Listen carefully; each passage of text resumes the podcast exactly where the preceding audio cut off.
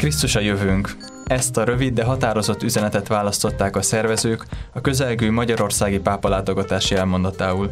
A katolikus egyházfő április végén három napot tölt Budapesten, melynek során találkozik az elesettekkel, a nélkülözőkkel, menekültekkel, az egyház és az állam képviselőivel, az ifjúsággal, jezsuita rendtársaival, és reményeink szerint a Kossuth téren bemutatandó ünnepi szentmise által az egész magyar néppel. De mégis mit várhatunk egy ilyen látogatástól? Hogyan érdemes erre készülni?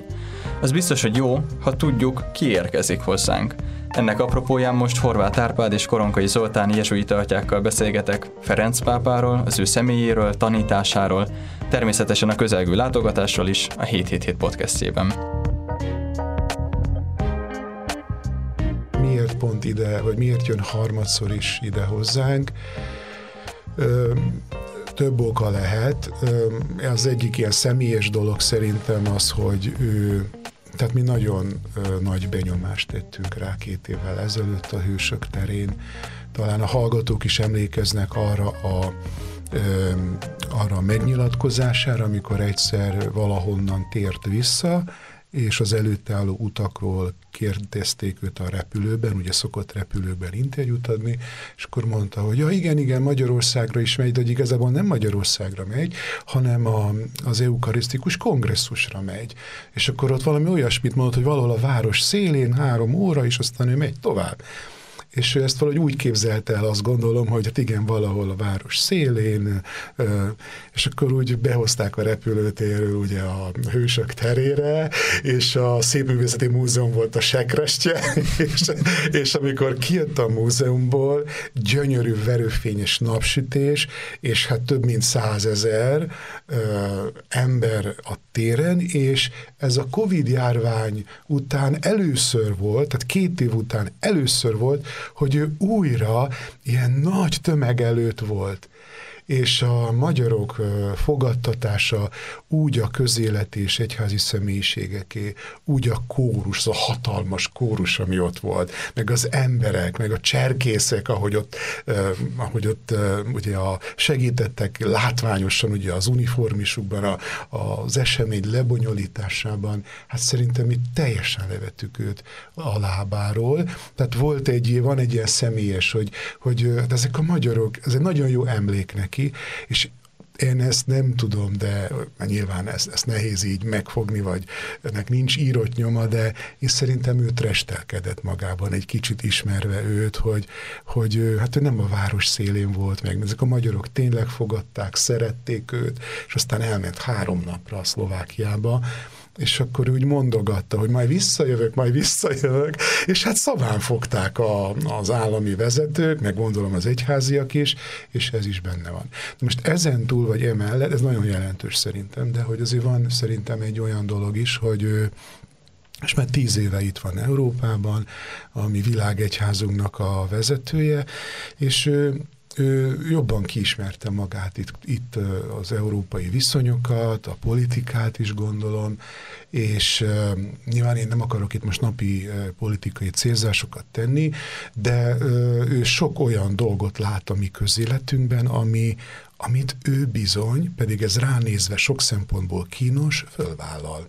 Például a család fontossága. Tehát a családról beszél, és ez nem menő, így a mainstream, azt kell mondjuk a mainstream európai jelenlegi diskurzusban, de például a családnak a, a fontossága. Aztán ő azért árnyaltabban látja most már akár a menekült kérdést, és hát nagyon árnyaltan látja a szomszédunkban dúló szörnyű háborút is. Említetted már, Árpi, hogy kétszer már találkozott a magyarokkal, egyszer Csíksomjon, egyszer pedig az eukarisztikus kongresszuson. Na most azokhoz képest mennyiben lesz más ez a mostani találkozó? Hát azt hiszem, hogy jelentősen más, hiszen most kifejezetten Magyarország meglátogatása a cél, és ennek megfelelően fog készülni így a beszédeiben. Ilyenkor azért mindig a pápai utak előtt van egy komoly tanulmányozása az adott helyzetnek, országnak, egyháznak, kultúrájának, tehát egy csomó ember a pápa körül dolgozik és segíti abban, hogy hát megfogalmazza azt az üzenetet, ami mindig azért egy, egy adott közösség, adott nemzethez szól, és annak a sajátos hát viszonyaihoz, egyházi helyzetéhez alkalmazkodik, és hát ennek a helyzetnek hirdeti meg így az örömhírt.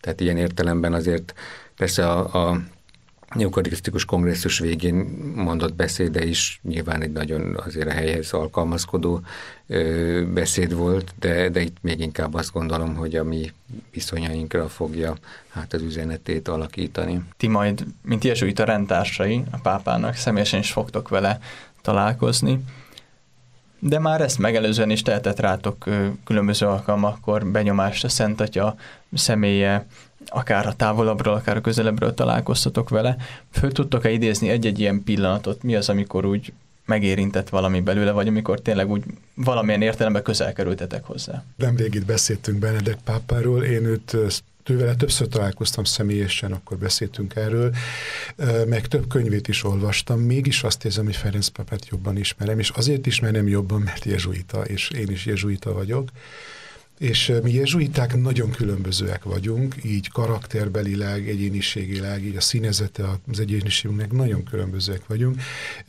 és ezt a mi rendi szellemiségünk, a nevelésünk az támogatja is így a, a saját, tehát nyilván a közösség fontos, de a, a saját értékeinknek így a csiszolását, kibontását. De van bennünk valami közös, és ez a, ez a lelki gyakorlatos, Szent Ignácnak a lelki gyakorlatos szellemiség, ez mindannyiunkat átjár, és Ferenc pápa igen, ő ezt hozza. Ő, ő pápa lett, tehát ő, ő, ő jezsuitaként lett pápa, nyilván ő, a rend nem áll fölötte, ő, ő a mi pápánk, úgymond nekünk is. Erről mentek ilyen összeesküvés elméletek, minden, ez butaság, tehát ő nyilván több, mint jezsuita ebben a szerepben, de az egész szavajárását, és sok gondolat, ami kifejezetten jezsuita nyelvezetből bekerült a világegyház használatába, és és önmagában az, az a nagyon eléggé komoly váltás Benedek után, amit, amit ő hozott, hogy ezt, ezt nagyon. Ugye a Benedek a mustármag reménye, a visszaszűkülő egyház és a szent igazak, és megőrizni a hagyományt, és a világ és mi. De egy, egy jezsuita nem gondolkodhat így, mert egy jezsuita ugye a lelki gyakorlaton második hét Krisztus megy megváltani a világot. Melyik zászló?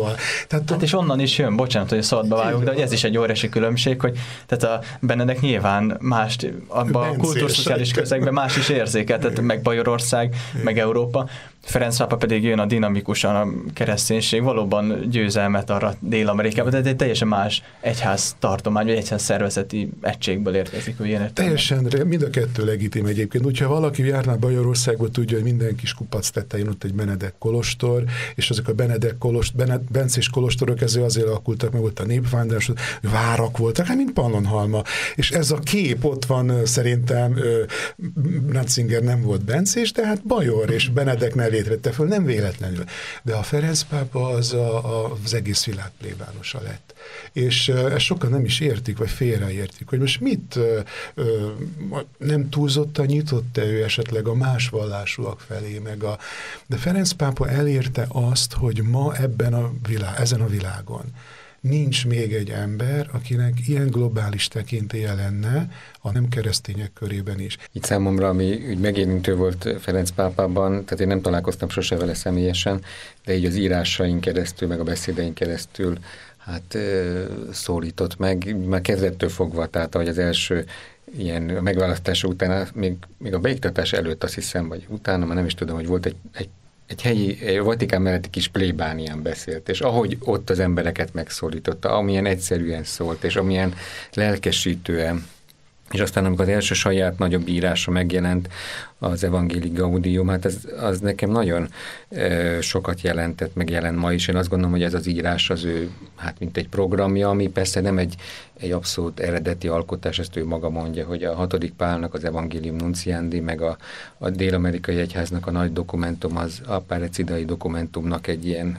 kombinációja, és hát ennek tényleg a közepe, amit Árp is mondott, egy egy missziós egyháznak a képe, és a, az ő egész felfogása, én azt hiszem, ahogy a Péteri szolgálatot is betölti, hát ez a, mélyen azért a, az ő jezsuita szerzetes létéből fakadóan egy, egy ilyen evangelizáló, hát tűzzel, meg lelkesedéssel, meg céllal való működés, és, és tényleg, ha arra gondolok, hogy Ferenc milyen módon akarja az egyházat megújítani, akkor hát ezt ő maga írja ebbe a dokumentumába, hogy ő olyan reformot szeretne, ami az evangelizációt célozza. Tehát, hogy a, a Jézusba vetett hit, az annak a terjedése, az segítse elő az egyháznak az összes hát szervezete, intézménye, tagja, és hát mindenki legyen misszionárius tanítvány, ez annyiszor úgy előjön a, ebben a dokumentumban, úgyhogy én, én erre nagyon tudok rezonálni, és és tényleg, hogy ez egy teljesen más felfogás azért, vagy hát egy, egy más lelkiség, hogy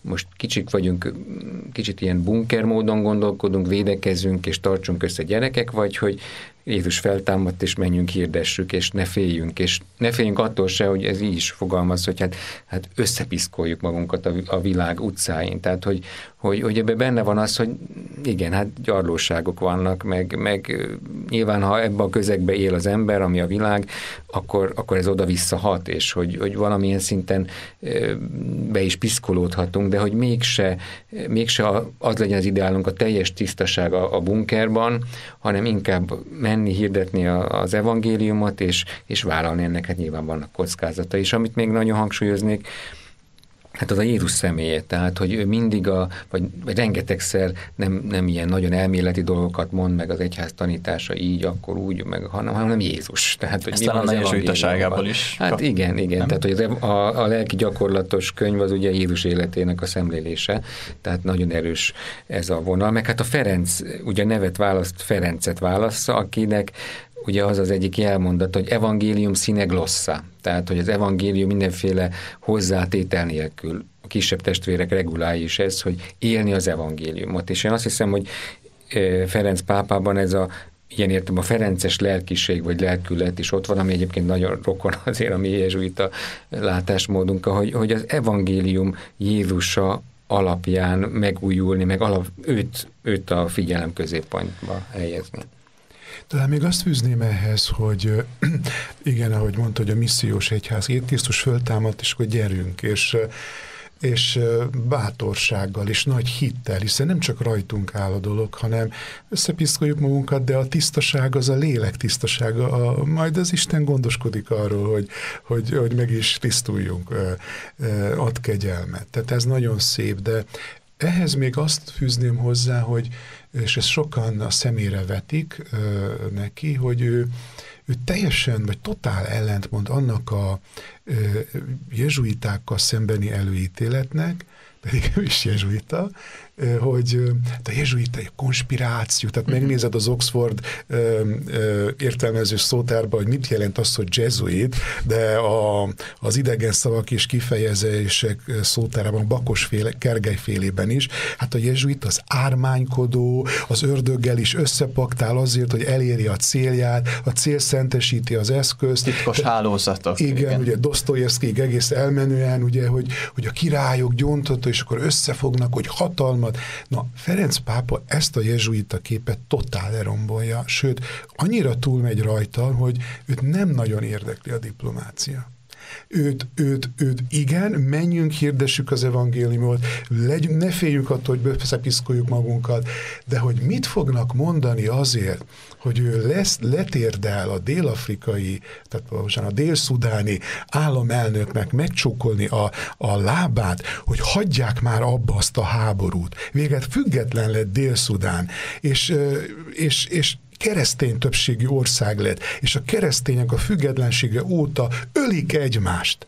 Hagyjátok már abba. Ő, ő, ő egyszerűen azt érette, hogy tehetetlenség, és valamit tennie kell, és valami, és az a gesztus ebből született, és, és ez nem egy diplomatikus gesztus. Tehát ő mindent bevet, úgymond, ezt, hogy, azt, hogy letérdel a földre a fehér habitusában, tehát hogy, ő, hogy, hogy, hogy személyes síkon, elsősorban személyes síkon akarja, hogy Zoli mondta, Jézusról beszélve, Jézus megérint bennünket, és, és, és menni előre, és hirdetni így a, a, hát a, a, az evangéliumot, a missziós küldetésünket megélve, és hát a diplomáciában a Vatikán, meg szóval hát, nyilván nem panaszkodnak ezek a körök, de azért hát nem könnyű dolgok van, amikor bizonyos gesztusait, megjegyzéseit, mondatait hát úgy kontextusba kell tenni. Majd Ferenc pápa tanításának egyes aspektusaira külön-külön kitérünk, De előtte hadd kanyarodjak annyit vissza, hogy hát egy embert nagyon jól meg lehet ismerni az ő szavain, az ő tanításán keresztül, és Ferenc pápát tényleg érdemes olvasni, de hát azért talán a primér módja a megismerésnek az mégiscsak az, ha valaki szemtől szembe áll vele. Hát Árpi, neked ez megadatott erről egy pár szót, mondasz, hogy milyen volt ott lenni a pápa közöttben, milyen az ő kisugárzása, a jelenléte? Én májusban találkoztam vele, amikor így először kezdett így tolószékben megjelenni a nyilvánosság előtt. Hú, ez egy nagyon nehéz lépés lehetett számára mert ő egy, remélem nem veszik a hallgatók ezt rossz néven, de ő azért alapvetően egy ilyen, hát igen, egy ilyen macsó nagyapa. tehát ő azért egy, tehát azt, hogy ő törékenyen, tehát sose beszél arról, hogy fáj valami, vagy.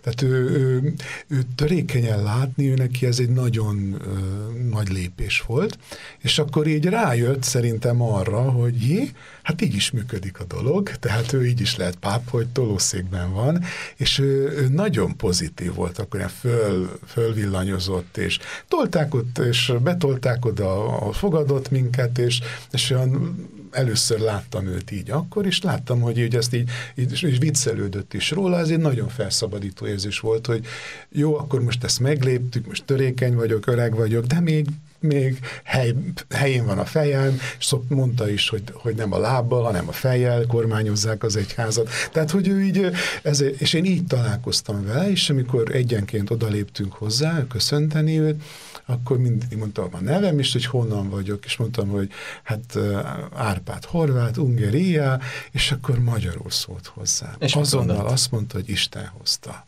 Isten hozta. És, és ez az nagyon megdöbbentett. És akkor, mikor mentünk el, ugye a találkozó után a jezsuita kulturális folyóiratok főszerkesztőjét fogadta, én a szívújságot képviseltem, és amikor mentünk el, akkor megint mindenki legkezelt vele, és adott kis ajándékot, rózsafűzét, meg um, egy könyvet, meg, és uh, akkor uh, ott megállt, és megkérdezte, fogta a kezemet, és megkérdezte a többieket, hogy tudják-e, hogy miért beszélnek a Mennyországban magyarul. És akkor én nem hallottam addig ezt, és akkor úgy mindenki olaszul kérdezte, és mindenki ott nézett, na, hogy mi van? A pápa azt kérdezi, hogy tudják, hogy miért beszélnek a Mennyországban magyarul. Hát az elég abszurd dolog, valljuk be. És akkor mondtuk, hogy nem. És akkor nem. Hát mert egy örökkivalóságig tanult, tart megtanulni, mint a magyar nyelven. És közben mindenki röhögött, és én így találkoztam vele, ilyen jó jó kedély állapotban.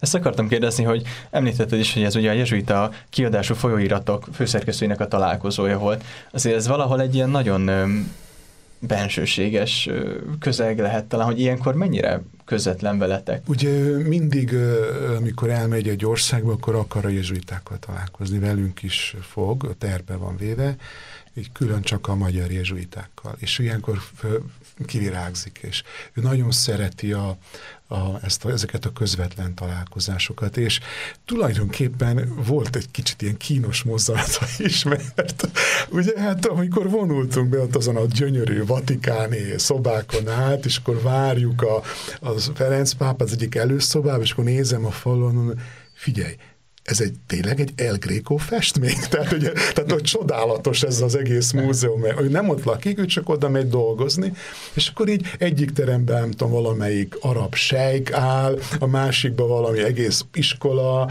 és ugye várnak, hogy fogadj, és akkor minket jezsuitákat fogad, és hát velünk volt több mint két órán át és akkor többször úgy mondták neki, meg intettek, hogy óra, meg idő, tempó, meg nem érdekelte. Tehát ő annyi energiát ránk fecsérelt, olyan zavar, a sejk megvárott kint órákat. Tehát, hogy azért ez, ez a nagy vonalúság jellemző rá. És hát talán annyit, hogy hát, amint említettem a korábbiakban, hogy ő néha igen, a diplomácia. Tehát ő olyanokat, ugye itt egy interjút készítettünk vele, minden jezsuita folyóirat főszerkesztője föltehetett egy kérdést, és ebből állt össze az interjú. És olyanokat mondott, hogy mi visszaküldtük neki, hogy biztos, hogy ezt mi lehozhatjuk. Hmm. És ő átnéztetett egy kis finomítás benne, és azt mondta, hogy igen. És hadd ne mondja meg, hogy melyik, de voltak folyóiratok, amelyek nem merték lehozni ezt az interjút vele, mert azt mondták, hogy nekünk nincs olyan apparátus, hogy a komment háborút kilétjük. Tehát, hogy ő olyan, igen, tehát, hogy ő olyan bátran tud nyilatkozni. Mennyire érződhet egy pápán, vagy mennyire üthet át az ő tanításán, az ő jelenlétén egy rendi karizma? Hogyan tudja itt a, az egyetemességet összehangolni egy, talán mondhatjuk, hogy specifikációval? Vagy nincs ez csak egy látszólagos ellentét? Hát ez minden embernél egy ilyen feszültség szerintem bármilyen hovatartozása vagy elő élete van, hiszen mindenki egy partikuláris világból származik, akár most ha József Ratzingerre gondolok, akkor a teológiai tanára, Bajor professzor, a német egyház egyik kiemagasló teológusa, hát az is egy, egy, most a világegyház egészét nézve, főleg most már egyre inkább egy periféria azért a, az európai világ, hiszen a, a katolikusoknak a többsége az Ázsia, Afrika vagy Latin Amerikában él. Tehát, hogy Na, hát én azt hiszem, hogy ez minden esetben hát egy, egy valós feszültség, de hát azért a jezsuita lét, ugyanakkor meg azt gondolom, hogy azért hoz egy alapvetően egy, egy nyitottságot az egyetemességre, hiszen azért nekünk tényleg arra van egy fogadalmunk a pápának való különleges engedelmesség, hogy amely szerint bárhova menni a világba, ha az evangélium hirdetésére bennünket a pápa küld, és hát persze ez most nem minden héten szokott ilyen lenni, de maga a mentalitásban ez ott van egyfajta hát egyetemes horizont egy jezsuita gondolkodásában, önmagában, tehát hogy a képzése során is egy abszolút nemzetközi kontextusba képződünk, úgyhogy ilyen értelemben azért az ő jezsuita specifikuma szerintem egy, egy pozitív hát hozzáadás, vagy egy, egy előkészítő tud lenni egy olyan egyetemes szolgálatra, mint a Péteri szolgálat. Én annyit fűznék ehhez, hogy azt gondolom, hogy alapvetően ez elkerülhetetlen, hogy a, a saját egyéniségünk hát így színezetei azok valahogy úgy tükröződnek a, a, azokon a azokon a munkánkon, amiket végzünk, vagy intézményeket vezetünk. Tehát ez nem csak az egyházra jellemző. Mondjuk a, a miért van fehér ruhája a pápáknak? Azért, mert egyszer volt egy domonkos pápa, aki domonkosoknak fehér a ruhájuk, és akkor ő, ő a domonkos ruhájában volt pápa, és a következő nem volt domonkos, de onnantól kezdve fehér ruhája van Azt a pápának. Tehát, hogy, Ez nem túl közismert. nem túl közismert. Tehát, hogy, hogy egyszerűen ott a domonkosok megtették a maguk hogy mondjam, tétjét az egyházon eléggé markáns jelként, ugye a fehérség. Hogyha kicsit a, a magyarországi látogatásához megint ö, kapcsolódunk, és egyben a tanításához is, akkor azt látjuk, hogy azt hiszem, hogy a periféria az egy kulcs szó. Szóval, hogy elmegy a menekültekhez, a, az egészen szegényekhez, a sérültekhez, vakokhoz és a többi. Hogyan tudjuk összefoglalni ezt a periféria tanítását Ferenc pápának? Talán ez összekapcsolódik azzal, hogy egyrészt a találkozások kultúrája, ami nagyon sokszor előfordul így a dokumentumaiban, hogy amit mondtál is, hogy, tehát, hogy nem elméletek, nagy okosságokat ból kiindulva, majd levetítjük itt a konkrét valóságra a gondolatainkat, hanem ő találkozik emberekkel, találkozik helyzetekkel. Első útja Lampedusára volt, ahol találkozik a menekültekkel, aztán Albániába megy egy nagyon kicsi országban, ahol a katolikusok kisebbségben vannak, ahova megy, fölkeresi a nyomornegyedeket, tényleg az idősekkel találkozik, a betegekkel találkozik, konkrétan emberekkel, megérinti őket, megüleli őket.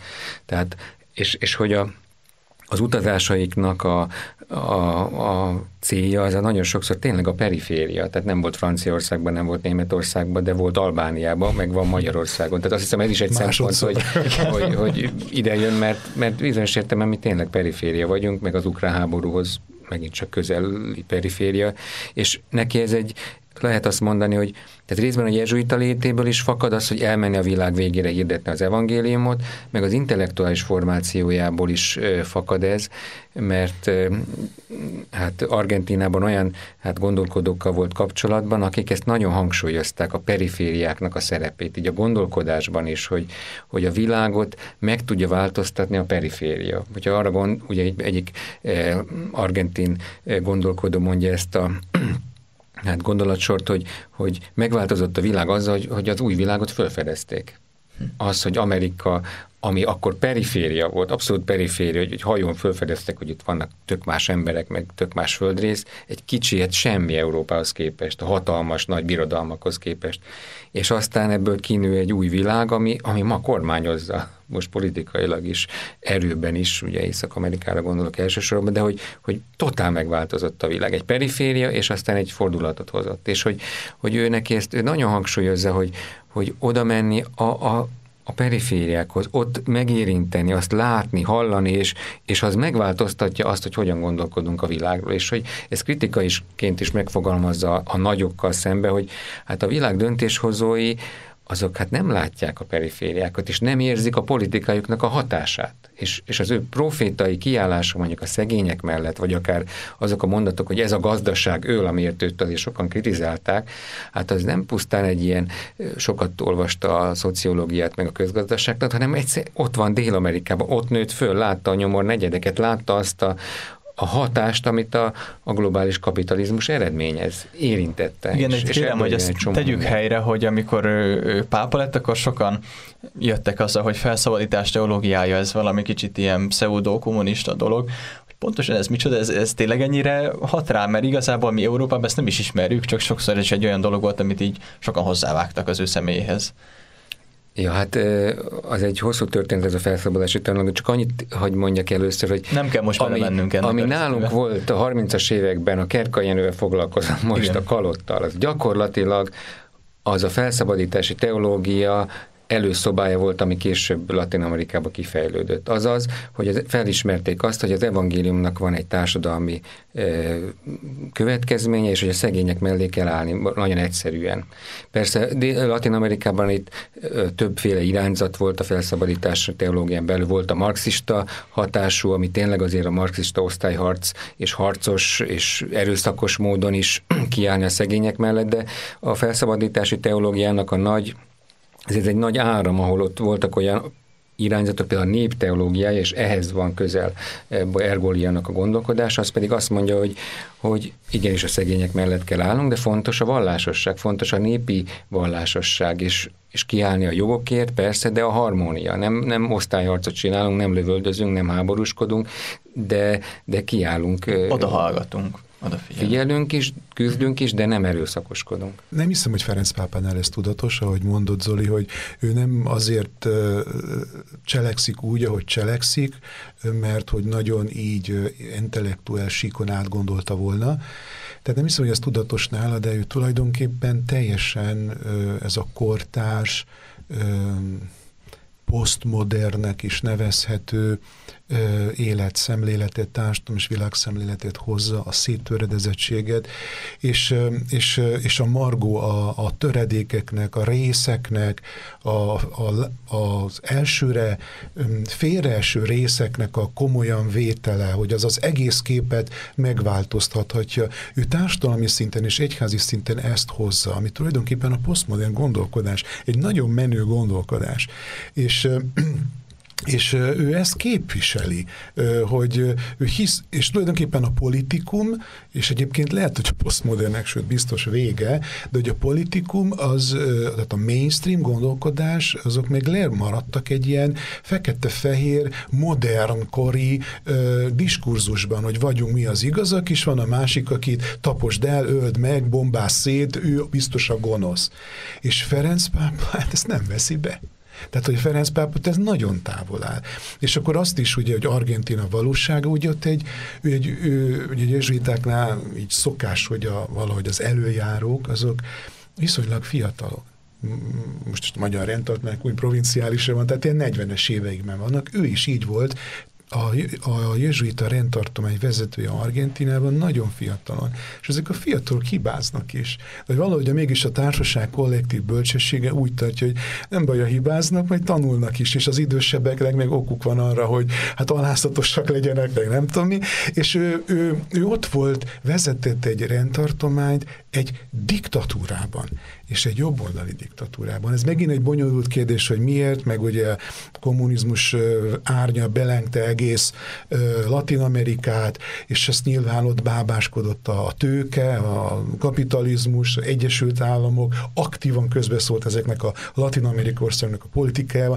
Tehát, hogy ez itt egy nagyon összetett kérdés, de ő biztosan látta azt, hogy az a hatalom, amely nem veszi észre a margót, nem veszi észre a perifériát, a szegényeket, a szükségszerűen embertelenné válik. És ő neki a, a, a feladata volt, ezt ő tapasztalatból mondta, vagy, vagy kristályosod ki benne, hogy az egyháznak, a jezsuitáknak mindig a szegények mellett kell állni, mindig azon kell lenni, hogy megértsük a margó, a, a, a perifériának a hangját, sőt, szócsövei legyünk neki, és ezt ő nagyon erősen hozza, és ez ott van a pápaságában is. A másik pedig egy egész személyes dolog, az pedig én szerintem Ferenc pápa egy megtört szívű ember ő neki nagyon megtört a szíve, a sok fájdalom láttán, a sok igazságtalanság láttán, ő nagyon, ő nagyon látott hogy mondjam, látta az embereket, hogy a bűn rabjaivá válnak,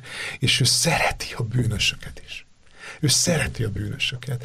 Ő, ő, ő, ő, ő nem, ne, beszél is erről, már itt is elhangzott, hogy ne féljünk attól, hogy, hogy, hogy elvesztjük a makulátlanságunkat, hogy nem leszünk tiszta fehérek, hogy, hogy az, az utcapora bepiszkít bennünket inkább legyünk ö, ö, flekkesek, mint hogy ö, makulátlanok, sterilek, akiknek semmi közük a perifériához, a szenvedőkhöz, a szegényekhez, az elnyomottakhoz.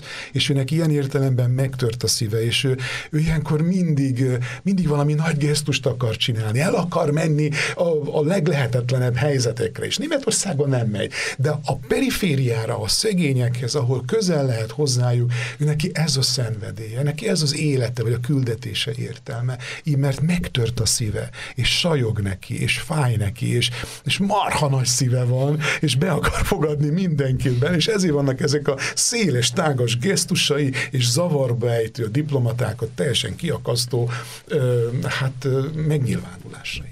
Azt hiszem, hogy ez egy ilyen nagyon érdekes kép, ami sokat visszaad, hogy fél tüdeje és marha nagy szíve. Mert hogy tudjuk, hogy, tehát, hogy neki komoly egészségügyi problémái is vannak, és hogy, hogy, hogy ez még inkább azt húzza alá, hogy micsoda akaraterő lakozik benne. Egy gondolatot így kapcsolatban, amit Árvi mondott, hogy, hogy, hogy szereti a bűnösöket, hogy ő magát is így nevez, hogy bűnös. Amikor Spadáróval volt a megválasztása után az interjú, hogy mi az, ami magát legjobban kifejezés, akkor azt mondja, hogy bűnös vagyok. Úgyban mondja, bűnös vagyok, aki megkönyörült az Úr. És hogy neki van tényleg egy olyan tapasztalat a múltjából is, hogy, és ezt mondja is, hogy ő nem csak kis dolgokat hibázott, nagy dolgokba is rosszul döntött, vagy, vagy hogy a bűnös ember tényleg, és hogy mégis az Úristen megkönyörült rajta, mégis bízik benne, és hogy tehát van egy ilyen személyes élménye arról, hogy minden gyarlóság, a törékenység ellenére az Isten jó, szereti őt, felemeli őt, mindezek ellenére meghívta őt, ugye a jelmondata is erre utal, hogy irgalommal rátekintett az úr, és, és kiválasztotta, meghívta. Az irgalom egy kulcs. Ugye rögtön megválasztás után az irgalmasság szentévét is életi meg. Hogyha arra gondolunk, hogy Ferenc pápa múltja, Bergoglióként, a megválasztás előtti idő, akkor szerintem a legtöbb hallgatónak igazából, amit, amit erről tud, az a, a Két pápa című filmnek köszönhető. Ezt sokan látták, és ez sok szempontból egy nagyon jó film. Nyilván már akkoriban akár jezsuita részre mások is a, a jogos kritikákat is megírták, de hát egy, tényleg egy szerethető és sok mindent jól megjelenítő filmalkotásról beszélünk. És ott is előkerül az ő egykori rendtársa Jálics Ferenc. Azért hozom őt be, mert hogy mégiscsak egy magyar jezsuitáról beszélünk, és beszéltünk az argentinai légkörről, egyáltalán arról a közegről, ahonnan ő érkezik. Szerintem fontos, hogy egy gondolat erejéig hozzuk újra ide ezt a kérdést. Pontosan milyen viszonyban voltak ők Jálicsal? Az ő megtörtsége, az, hogy hogyan volt ott jelen abban a diktatórikus helyzetben, és hogy, hogy mit tud a magyarokról, vagy hogy ez a néhány szó, mivel akár árpitéget köszönt, azt úgy tudom, hogy valamit a Jálistól tanult annak idején, vagy majd kiavítatok, hogyha nem így van. Szóval, hogy, hogy, hogy érdemes ezeket a kérdéseket is talán kicsit helyre tenni. Azt hiszem, ezek a magyar szavak, a kongregáció Jézu, vagy a, akkoriban angol, angol kisasszony nővéreknek hívták őket. Tehát voltak magyar nővérek Argentinában, akiket ő ismert, talán ő tanította. De lehet, hogy a, ugye Ferinek is, Feri ő tanította a Bergóliót egyébként, a Jálics Feri, és aztán hát ő, ő professzorként kiköltözött a nyomornegyedekbe, a Jális felé, és akkor volt egy, egy súlyos konfliktus a kettőjük között. Tényleg ők nagyon összecsattantak azért ott akkor, és, és ja, tehát úgy utána ő ki is hívta őket, ezt a két, egy másik jezsuita is ott volt abban a nyomornegyedben, mert a kormányzat fel akarta számolni, meg gerilláknak tekintette őket, és aztán hát ők nem jöttek ki, akkor elfogta a, az állami, vagy ezek a jobboldali hát, hatóságok, vagy, vagy katonai erők, és fél évig ugye hát fogva tartották a Ferit, és és aztán hát később kiszabadult, és most már utólag jobban látjuk, hogy ebben a Bergóliónak, a akkori provinciálisnak is szerepe volt, hogy ő kiszabadulhatott, de hát szóval az ő viszonyuk azért akkoriban elég terhelt volt. Hát ugye a filmben is előjön, hogy a, akkor jezsuita provinciálisként kiment a feriékhez, tehát a nyomornegyedbe, és mondta, hogy, hogy el kellene innen menni, mert elfogtak egy társukat, aki hittan tanított, katekéta volt, és a Geriával, tehát ezekkel a ö, ö, baloldali, színezetű forradalmi csoportokkal kapcsolatban volt, és akik kapcsolatban voltak, azokat, azokat nagyon megszorongatják, és szörnyű dolgok történtek, és mivel ő tudott róla, ő neki kötelessége volt félteni a rendtársait, és ő tulajdonképpen kiment, hogy jöjjenek innen el és akkor ott volt a konfliktus, de menjünk el a szegények mellől, ez volt ugye a Ferinek. De azért hozzátartozik a dologhoz, hogy a Feri igazából nem szociális munkás volt, hanem a Feri egy viszonylag fiatal jezsuita volt, teológia tanár, aki abban a forradalmi környezetben, amikor ölték az embereket, meg a szegényeket, meg minden, egyszerűen nem volt gusztusa ilyen magas röptű dogmatikát tanítani, hanem kiment a szegényekhez, mert jó érezte magát az akolszakban. Tehát van egy ilyen, hogy a Ferinek is, aki egy egy kommunista országból jött, az egész családját, meg katonatiszt volt az apukája, kitelepítették, meghurcolták, meg úgy kellett elmenekülnie Magyarországról, a kommunisták elől, ott Argentinában egy kommunistának nézték. Tehát azért benne van a történetben ez a zavarodottság. De ami miatt a Feri ö, neheztelt rá sokáig, az az volt, hogy amikor végre kiszabadult szégény, mert társait megölték, de a Feri kiszabadult, Bergolyónak a közbenjárására egyébként, akkor ő, ő azt gondolták a családja, hogy meghalt. Elsiratták. És akkor ő, ő akart hazamenni, illetve hát akkor Amerikában voltak meglátogatni az anyját, a, és akkor elment, és nem jöhetett vissza Argentinába. És erre nincs bizonyíték, és nem is érdemes talán ezt nagyon feszegetni, de azt Feri azt gyanította, és hát én a Pergolyót azért megértem, hogy ő, ő nem akart egy ilyen troublemaker-t vissza Argentinába, tehát hogy ő nem nagyon tett mindent azért, hogy ez a vagabond magyar forradalmi lelkületű jezsuita visszajön az ő diktatúrától görnyedő provinciájába, Argentinába. És ez a neheztelés, ugye elszakadt a film, tehát megszakadt az életének a folyama, Jális Ferinek, ez a neheztelés, ez, ez, hát ez, ez ott volt az, az igazság. Ugye a, lelki gyakor, a szemlélődő lelki gyakorlatok könyvében, amit újra kiadtunk a Jezsuita kiadónál, és hát fölmerült, hogy fú, hát ugye ott erről beszél, ez egy nagyon nehéz része ennek a könyvnek, és hát nem változtattuk meg, ott van benne, de kontextusában kell látni. És aztán Jális Ferencből az egyik legnagyobb tanítója lett az imádságnak, az imádkozásnak, a saját lelki gyakorlatos módszerét megalkotta. Ferenc pápa minek lett a tanítója? Hogyha egy nagyon röviden kéne összefoglalni, mi az, ami nekő a jele, amire ő mutat? Mi az, amire igazán felhívja a figyelmünket? Hát én úgy gondolom, ez Isten írgalmára.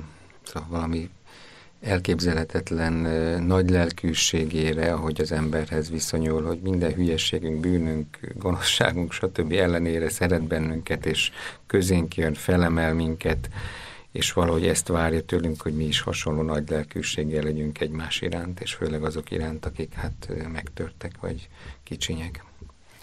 Én szerintem meg Jézus közelsége, amin egyáltalán nem zárja ki a Isten irgalmát, Jézus közelsége én így jezsuita lelki pásztorként is mindig, hogy mondjam, aggodalommal figyelem azt, amikor, amikor valaki így nagy vehemenciával Istenről beszél, és nagyon határozott hát gondolatokat fogalmaz meg vele kapcsolatban. Én veszélyesnek tartom.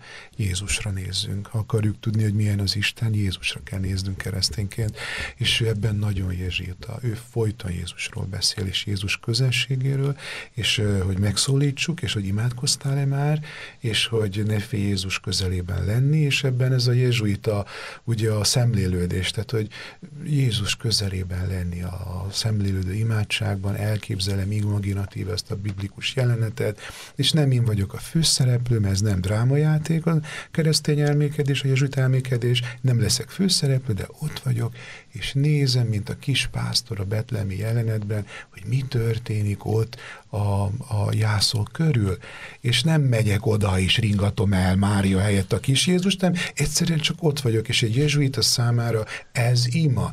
És, és, Ferenc, és, és Ferenc pápa állandóan, hogy legyen Jézus közelébe, Jézus tekintetét keresni, Jézus így, Jézus úgy, igazi jezsuita ebből a szempontból, és ez, ez, ez, ez, ezt értik is az emberek, azt hiszem. Semmiképp nem ezzel fogjuk befejezni, de azt ígértem, hogy nem kerüljük ki a kínos kérdéseket, és szerintem nagyon fontos, hogy ejtsünk szót arról, hogy mégiscsak ez a hát migránsozás, most mondjuk így, mert igazából ez az a szó, ami miatt, amivel összekapcsolódott az ő személye még évekkel ezelőtt itt Magyarországon. Mit is tanít erről Ferenc pápa, vagy mi is a helyzet ezzel kapcsolatban? Én egy szélesebb kontextusba helyezném azért ezt a kérdést, mert tehát ő mindenféle szegénység, nyomorúság, emberi baj szószólója és felhívója. Tehát, és talán ez egy probléma, amikor nagyon így lefókuszálunk, hogy csak ett. Hogyha most megnézem, hogy miről beszélt, beszélt a, a sérültekről, az őslakosokról, a abúzusok áldozatairól, tehát rengeteg olyan társadalmi csoportot lehetne említeni, és a szegényeknek a nagyon sokféle Igen. formái, akiknek ő szót emel. Tehát, hogy és, és mindegyik helyzetben valahogy arra hív bennünket, hogy ezekben az Úr Jézus jelen van, a szegényekben, a menekültekben, és hogy felelősségünk van, tennünk kell ezekért az emberekért. Nyilván, amikor ez nálunk azért így, így kiéleződött, a 15-ös menekült válság volt, és de azért, hogyha, a, tényleg, hogyha csak a menekültekre nézem, hogy mit mond a Ferenc pápa, egyrészt azt le kell látni szerintem, hogy hát itt egy folytonosság van. De 12. Pius, aki az először ír arról, hogy menekültek, és hogy be kell fogadni a menekülteket. 12. Pius. és utána második János Pál Benedek minden évben második János Pál óta van ilyen, hogy menekültek világnapja, amikor a pápa egy szózatot intézett erről a kérdésről, és hogyha az ember ezeket a dolgokat elolvasát, tök hasonló szövegek, tök hasonló állítások, hogy emberek ezek, segítenünk kell, méltóságuk van, nyilván árnyalatok, helyzetek, ezek kicsit változnak, de, de a message azért alapvetően ugyanaz. És azért egyrészt a Ferenc pápának is az üzenete az, hogy első, hogy élhessenek az emberek ott, ahol vannak. Tehát, hogy az otthon maradás jogát biztosítani. Ne legyen háború, a klimatikus viszonyok is hát az egyik oka azért a menekülésnek, tehát hogy mint emberi közösség tegyünk még minél többet azért, hogy maradhassanak az emberek a helyükön. Laudato si enciklika. Igen, igen.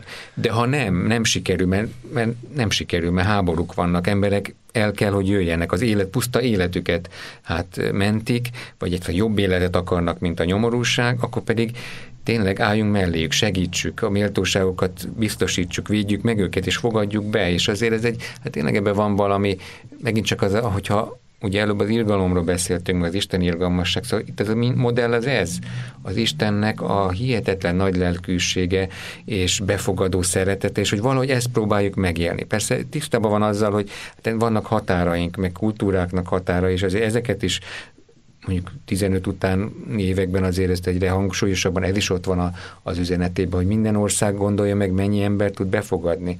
De ugyanakkor egy nagy lelkűségre hív bennünket, és azt hiszem, hogy itt azért van, van hova tágítani mi nekünk magyaroknak is a szívünket.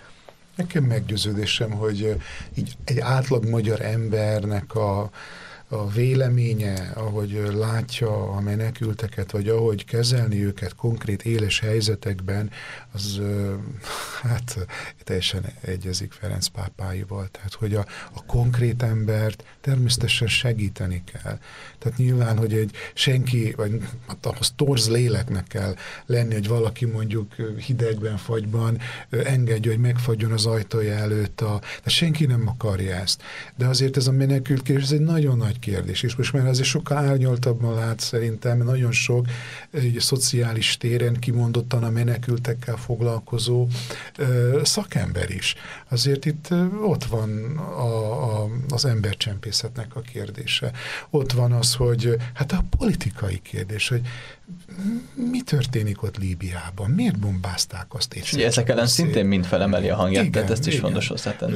Vagy, vagy, vagy, vagy, vagy mi, mi történt ott Afganisztánban? Vagy mi történik most Ukrajnában? Tehát, hogy, hogy azért itten, tehát, hogy ő, ezeket nehéz kimondani, de hogy a, a, a, a, a most marxistának fog hangzani, de a tőke, vagy a, vagyis a, a, a pénznek a hatalma és az érdekeltségei, ezek, ez egy mocskosan benne vannak ebben a helyzetben.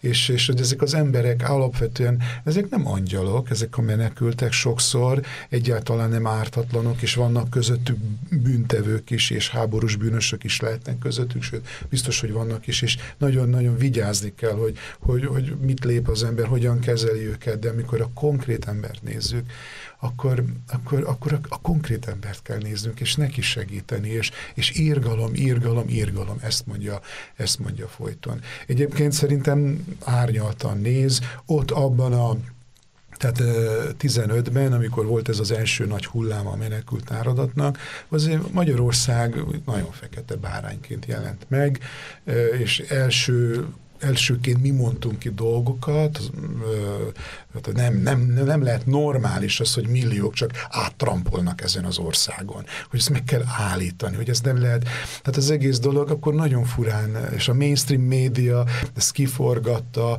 és hát benne lehet a pakliban, hogy Ferenc pápának akkor, amikor látta ezt a katasztrófát, akkor nem értette, hogy mit csinálnak ezek a magyarok, mi az, hogy kerítést építenek, meg szöges drót, meg ilyesmi, de hát azóta azt hiszem, hogy árnyalódott a kép, és az itt van a csempészet, és itt vannak a nagy kérdések, és itt van az, hogy mi történik Szíriában meg mi, ott oroszok, törökök, amerikai, mindenféle hatalom ott van.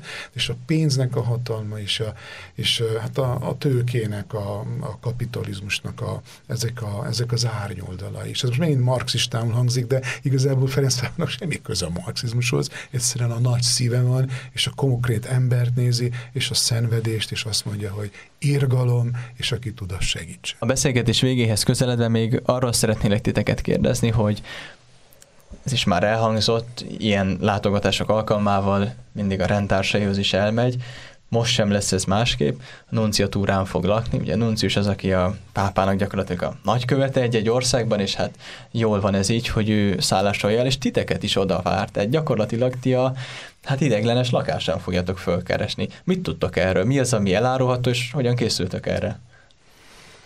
Hát az a, ennek a sajátosság ezeknek a találkozóknak már majdnem mindig ugyanúgy történik, hogy nem nagyon lehet rá készülni, mert ő azt akarja, hogy akkor mi most kérdezzük őt. Tehát, hogy, van-e, mi az, amit föltennénk neki, és akkor nyilván ilyenkor elhangzik, hogy akkor mi a benyomása, meg hát próbálunk kicsikarni belőle valamilyen személyes dolgot is, meg... Hát, hát legfőbb... nem nagyon kell szerintem kicsikarni, én úgy képzelem, hogy azért az jön, nem előbb-utóbb a személyes. De azért minket érdekel az, hogy ő minket, mint követ minket, mint, mint intézmény, mint rendet, hogy ő hogyan lát minket. Aha. És azért ő... A tómatos gondolom. Igen, ő azért ott úgy be tud szólni. Tehát, hogy így ezt-azt azért úgy mond, hogy hát igen, a jezsuita a lelkiségről, a jezsu, milyen a jó jezsuita, mi a feladatunk, és hát néha mond meredek dolgokat. Tehát úgy nagyjából erről szokott ez így történni, és hát így nagyon örül, hogy így, hát így jezsuita rendtársak között lehet. Mennyi időt fogtok együtt tölteni, mit tudtak? Hát úgy tudom, egy óra a keret. Amennyit a más rendtársak, akik már voltak ilyenen, elárultak nekünk, hogy tehát a provinciális kicsit bemutatja a rendtartományt, a jelenlévőket, ajándékokat is szoktak ilyenkor a jezsuiták adni valamivel, kedveskednek, és utána jön ez a kérdez-felelek történet és kezet-kézfogás. Tehát egy, meg, meg tényleg ilyenkor azért otthon érzi magát a pápa mag, és, és úgy lazább, azt hiszem, vagy, vagy nem, nem egy protokolális helyzet, ami ilyenkor kialakul. Gondolom nem ti vagytok megbízva az ajándékkal, de szerintem hogy mindig elgondolkom, hogy mit lehet adni egy pápának ajándékot. Mi az, hogy tényleg értelmes. Tudtok erről valamit, hogy mondjuk Igen. a jezsuiták mivel készülnek?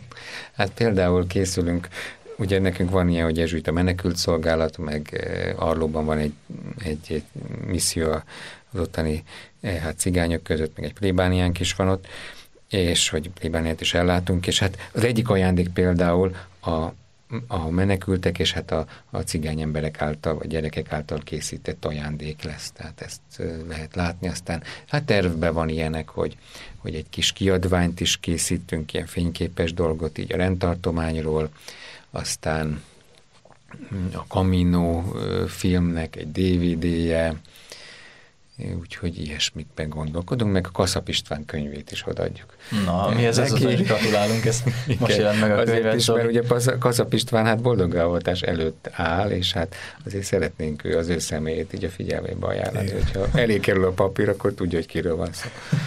Szuper, micsoda kulisszatitkok derültek ki. A záró kérdésnek pedig azt szennem, hogy ti személyesen most azon túl, hogy beszélgettünk itt programról, tanításról, hogyan készültek? Tehát akár az imádságotokban oda viszitek Isten elé az ő útját, vagy mi az a várakozás, vagy az a vágy éppen, ami most így bennetek van ezzel kapcsolatban? Én nagy hálát érzek azért, hogy jön, mert két évvel ezelőtt az a találkozás velem minden elvárást túlszárnyal, de minden, az egy, az egy olyan surplus volt, tehát egy olyan um, gyönyörű találkozás volt mindenki számára. Sokan meglepődtek ezek, még a fanyalgók és kritikus hangok is teljesen elhang.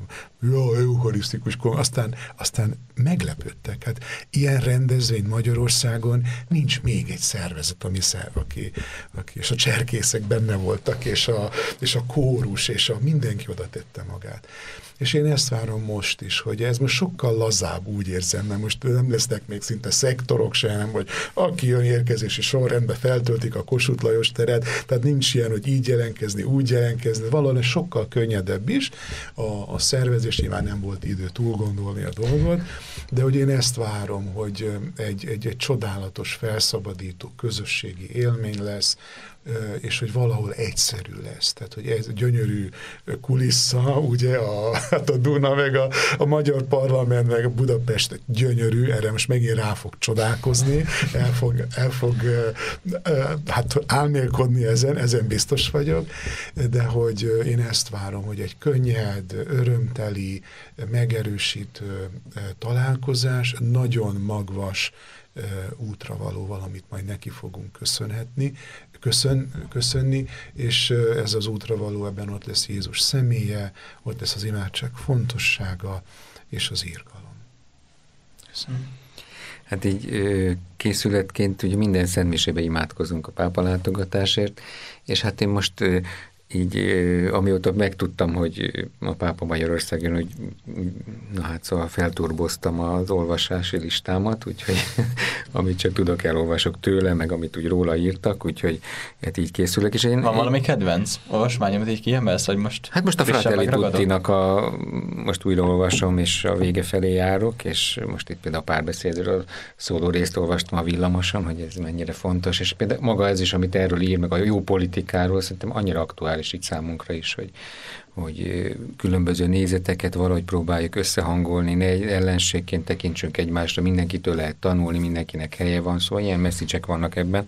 Úgyhogy, és tényleg, ahogy újra olvasom az ő gondolatait, így azt látom, hogy abszolút a mai világunk, meg nehézségei, amivel akár a kis népünk, de az emberiség is szembenéz, szerintem nagyon aktuális, amiket mond meg tényleg egy proféta, olyan jó lenne, ha, ha így meg tudnánk hallani az ő üzenetét, és én is azt hiszem, hogy amiket mondtál, azt én is így látom, hogy Jézusról fog beszélni, meg, meg, meg, meg azt, is, azt is hiszem, hogy pont a periféria miatt van egy olyan figyelme a kis népekre, és szerintem ő képes lesz arra, hogy felfedezze azt bennünk, ami különösen is értékes és, és gazdagítója az egész egyetemes katolikus világnak, szóval szerintem ezeket ki fogja hangsúlyozni, és talán ha fog olyanokat is mondani, ami, ami kihívás számunkra, vagy ami a szívünket azért úgy, úgy hát valahogy nagyobbá próbálja tenni.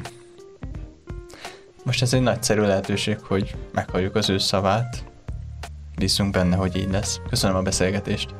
Mi is köszönjük, köszönjük a lehetőséget.